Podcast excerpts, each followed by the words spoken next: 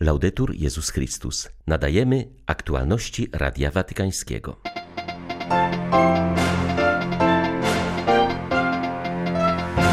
Finanse powinny służyć ludziom i rozwojowi realnej gospodarki, przypomina papież w rozważaniu o intencji modlitewnej na maj.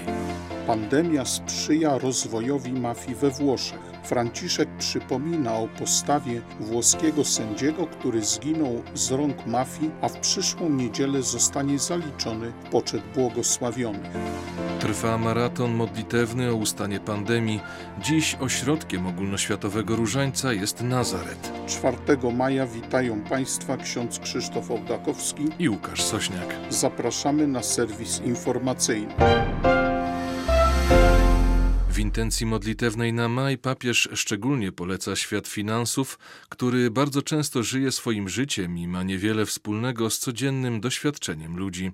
Franciszek często podkreśla, że potrzebna jest dzisiaj nowa narracja ekonomiczna, która podejmie drogę zrównoważonego rozwoju i przywróci w społeczeństwie miejsce ubogim oraz wykluczonym, a także zatroszczy się o zdegradowane środowisko. Franciszek wskazuje, że obecny kryzys społeczny oraz ekonomiczny nie pozwala dalej stawiać indywidualnych i grupowych interesów ponad dobrem wspólnym. Podczas gdy realna gospodarka, ta, która tworzy miejsca pracy, przeżywa kryzys, bo wiele osób nie ma pracy, rynki finansowe nigdy nie były tak obfitujące jak teraz. Jak bardzo świat wielkich finansów jest oddalony od życia większości ludzi. Finanse, jeśli nie są regulowane, przemieniają się w czystą spekulację napędzaną przez niektóre polityki monetarne. Sytuacja ta jest nie do utrzymania, jest to niebezpieczne. Aby zapobiec ponownemu ponoszeniu konsekwencji przez ubogich, spekulacje finansowe muszą być ściśle regulowane. Spekulacje. Chcę podkreślić ten termin. Niech finanse będą narzędziami służby, narzędziami służenia ludziom i troski o wspólny dom. Wciąż mamy czas, aby uruchomić proces globalnych zmian służących praktykowaniu innej ekonomii, bardziej sprawiedliwej, włączającej, zrównoważonej, takiej, która nie pozostawia nikogo w tyle. Zróbmy to. I módlmy się, aby ci, którzy są odpowiedzialni za świat finansów, współpracowali z rządami w celu uregulowania rynków finansowych, aby chronić zagrożonych obywateli.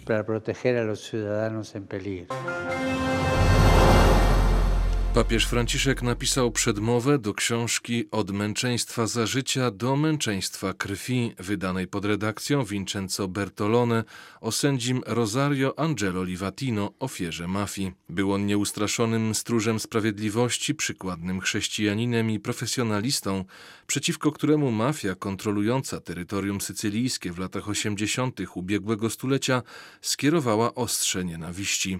W najbliższą niedzielę ten świecki męczennik zostanie w Agrigento na Sycylii ogłoszony błogosławionym. Ojciec Święty odwołuje się do swoich słów z 2019 roku. Livatino jest przykładem nie tylko dla sędziów, ale dla wszystkich, którzy pracują w dziedzinie prawa, ze względu na spójność między wiarą a zaangażowaniem w pracę, a także ze względu na aktualność jego refleksji. Rosaria Angelo Livatina cechowała wiara, która stawała się praktyką sprawiedliwości i dlatego czyniła dobro bliźnim. Pomyślał, że skoro skończył prawo, to najlepiej podjąć się roli sędziego. Bardzo cierpiał z powodu wyroków karnych przeciwko oskarżonym, ponieważ widział, jak wolność źle interpretowana łamała zasadę sprawiedliwości. I w tym samym czasie, gdy musiał sądzić według prawa, jako chrześcijanin stawiał sobie problem przebaczenia. Papież przypominał, że dokonywał on codziennie aktu całkowitego i wielkodusznego zawierzenia Bogu swojej działalności. Jest on jasnym punktem odniesienia dla mężczyzn i kobiet dnia dzisiejszego oraz jutrzejszego, zwłaszcza dla tych młodych ludzi, których mafia wciąż kusi do życia pełnego przemocy, korupcji, ucisku i śmierci. Pandemia COVID-19 sprzyja rozwojowi mafii i jej przenikaniu do społeczeństwa, uważa arcybiskup Corrado Lorefice.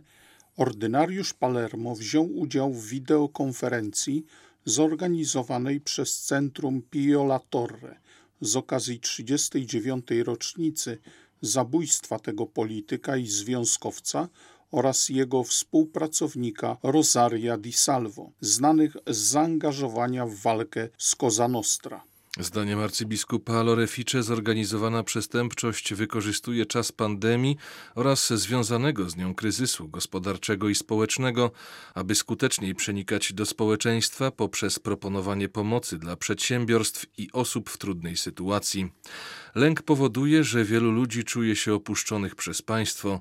To podatny grunt dla mafii, która przebiera się w kostium organizacji pomocowej, podkreślił arcybiskup Palermo.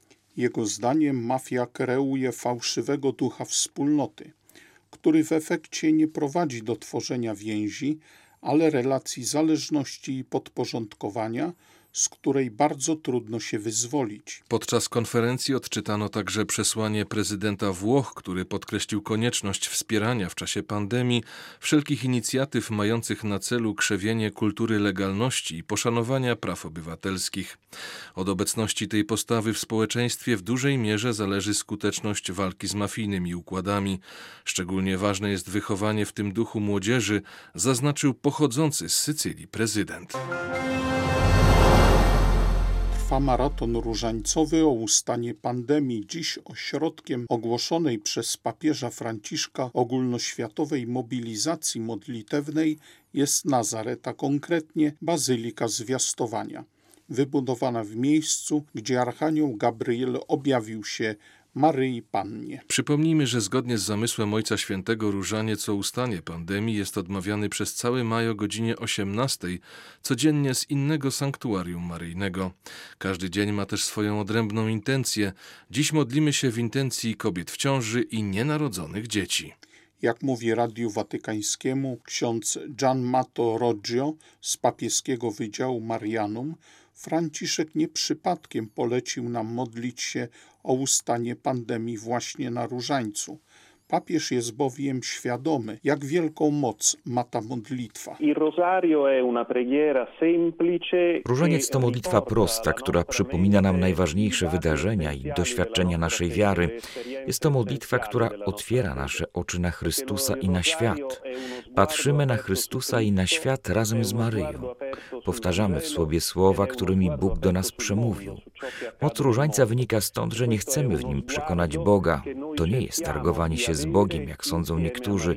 Wręcz przeciwnie. Na różańcu to my, dzięki Maryi, dostrajamy się do Boga. Zaczynamy rozumieć, co Bóg chce zrobić i co już dla nas robi. W okresie pandemii papież Franciszek często powtarza, że ludzkość jest jedną wielką wspólnotą, która płynie na tej samej łodzi i nikt nie może uratować się sam w oderwaniu od innych. Żaden naród ani żadna grupa społeczna nie może sobie w pojedynkę zapewnić pokoju, dobra, bezpieczeństwa i szczęścia. Podczas pandemii wierni często byli pozbawieni możliwości uczestnictwa w życiu wspólnoty Kościoła, ale także ten wymuszony post od sakramentów i odbycia z innymi wzbudził w wielu ludziach tęsknotę za tym, co do tej pory wydawało się oczywiste, na wyciągnięcie ręki. Mówi arcybiskup Grzegorz Ryś metropolita łódzki. Chyba w ludziach już widać coraz bardziej taką narastającą tęsknotę najpierw w ogóle za doświadczeniem wspólnoty, bo ta wirtualna wspólnota jakoś rzeczywista, bo trudno ludzi oskarżać, że siedzą w sieci, jeśli nie mogą się spotkać w realu, to chwała Bogu, że siedzą w sieci. Ale niewątpliwie jest tęsknota za tym, żeby się już spotkać poza internetem, żeby się zmierzyć z realną wspólnotą. A to jest taka rzecz dla Kościoła fundamentalna, bo pamiętam jak ksiądz Franciszek Blachnicki, stulecie mamy jego urodzin, on mawiał, że dokąd się Kościół nie wcieli w realną braterską wspólnotę, to w świecie jest nieobecny. To doświadczenie wspólnoty rzeczywistej jest takim być albo nie być dla Kościoła. Tu, tu mówimy o rzeczach niesłychanie poważnych, a nie tylko o tym, jakie są ludzkie, powiedzmy, oczekiwania czy pragnienia. To by było za mało w ten sposób powiedzieć. Caritas Wietnam uruchomiła program pomocowy, w ramach którego dostarczy do sąsiedniej Kambodży 4 miliony maseczek ochronnych. W kraju gwałtownie wzrasta liczba osób zakażonych koronawirusem. W ostatnich dniach odnotowano tam 10 tysięcy nowych przypadków. Od połowy marca w Kambodży zawieszono wszystkie wydarzenia masowe i nabożeństwa religijne. Maski zostaną przekazane mieszkańcom Kambodży bez względu na ich przynależność religijną. Aktualne przepisy zobowiązują do noszenia maseczek na zewnątrz, więc wiele osób, które ich nie ma, jest uwięzionych w swoich domach. Rząd Kambodży próbuje walczyć z pandemią koronawirusa drakońskimi metodami. Już w kwietniu zapowiedział, że obywatele z pozytywnym wynikiem testu, którzy nie zastosują się do obowiązujących przepisów i odmówią leczenia, zostaną aresztowani, grozić im będzie nawet do 10 lat pozbawienia wolności. Ryzyko schizmy istnieje, ale ufam, że z Bożą pomocą uda się je przezwyciężyć, mówi kardynał Camillo Ruini, komentując aktualną sytuację w Niemczech, a w szczególności zapowiedzianą na 10 maja akcję publicznego błogosławienia związków gejowskich wbrew oficjalnemu zakazowi ze strony Stolicy Apostolskiej. Wieloletni przewodniczący episkopatu Włoch przypomina, że przed dwoma laty papież Franciszek w liście do katolików w Niemczech prosił ich o zachowanie więzów z Kościołem powszechnym. Kardynał Ruini zauważa, że papież Franciszek stara się nie zaogniać konfliktu z niemieckim Kościołem, wiedząc jak wiele zła może z tego wyniknąć. Potwierdza jednak, że sytuacja w Niemczech jest trudna. Narodowa droga synodalna jasno formułuje swoje cele. Są wśród nich nie tylko uznanie związków jednopłciowych, ale również kapłaństwo kobiet, zniesienie celibatu i interkomunia. Odnosząc się do akcji demonstracyjnego błogosławienia par gejowskich, włoski kardynał zauważa, że kapłani, którzy chcą to zrobić, wykraczają poza swe uprawnienia. Nikt w Kościele nie ma takiej władzy. Błogosławić można tylko to, co jest zgodne z zamysłem Boga, przypomina kardynał Ruini, cytując watykański dokument. Osoby można oczywiście błogosławić, ale by się nawróciły, a nie by trwały w grzechu. Sam Bóg błogosławi człowieka, aby pozwolił się przemienić, ale również i on nie może błogosławić grzechu. Tu nie chodzi tylko o to, że Kościół postanowił czegoś nie robić, ale jest to rzecz, której Kościół nie może zrobić. W konsekwencji nikt w Kościele nie ma do tego prawa, dodaje kardynał Ruini w wywiadzie dla dziennika Il Folio. Unia Europejska zainicjowała w Rzymie projekt pod nazwą ITER Europeum, który ma upamiętniać 50. rocznicę nawiązania stosunków dyplomatycznych państw członkowskich ze stolicą apostolską. W każdą niedzielę, począwszy od 9 maja, odbywać się będą spacery historyczne do rzymskich kościołów, w których zorganizowane zostaną ekspozycje opowiadające o historii relacji dyplomatycznych poszczególnych krajów z Watykanem. Każdy z 27 krajów Unii Europejskiej wybrał kościół, z którym jest związany ze względów historycznych. Niektóre kościoły mają powiązania z wieloma krajami, co jest dowodem na trwałe wzajemne relacje między różnymi wspólnotami europejskimi, wyjaśniła w wywiadzie dla Radia Watykańskiego Beata Goleńska, attaché w ambasadzie Unii Europejskiej przy Stolicy Apostolskiej. W każdym z kościołów mamy pewnego rodzaju ekspozycję. Jest to totem podświetlany, który będzie przedstawiał historię, rys historyczny stosunków dyplomatycznych pomiędzy Unią Europejską i Stolicą Apostolską. Jednocześnie w każdym z kościołów państw członkowskich na tym totemie będą przedstawione informacje relacji dyplomatycznych pomiędzy tym krajem i stolicą apostolską. Będziemy organizować wycieczki i co weekend będziemy przedstawiać 3-4 kościoły i państwa członkowskie. Były to aktualności Radia Watykańskiego. Laudetur Jezus Chrystus.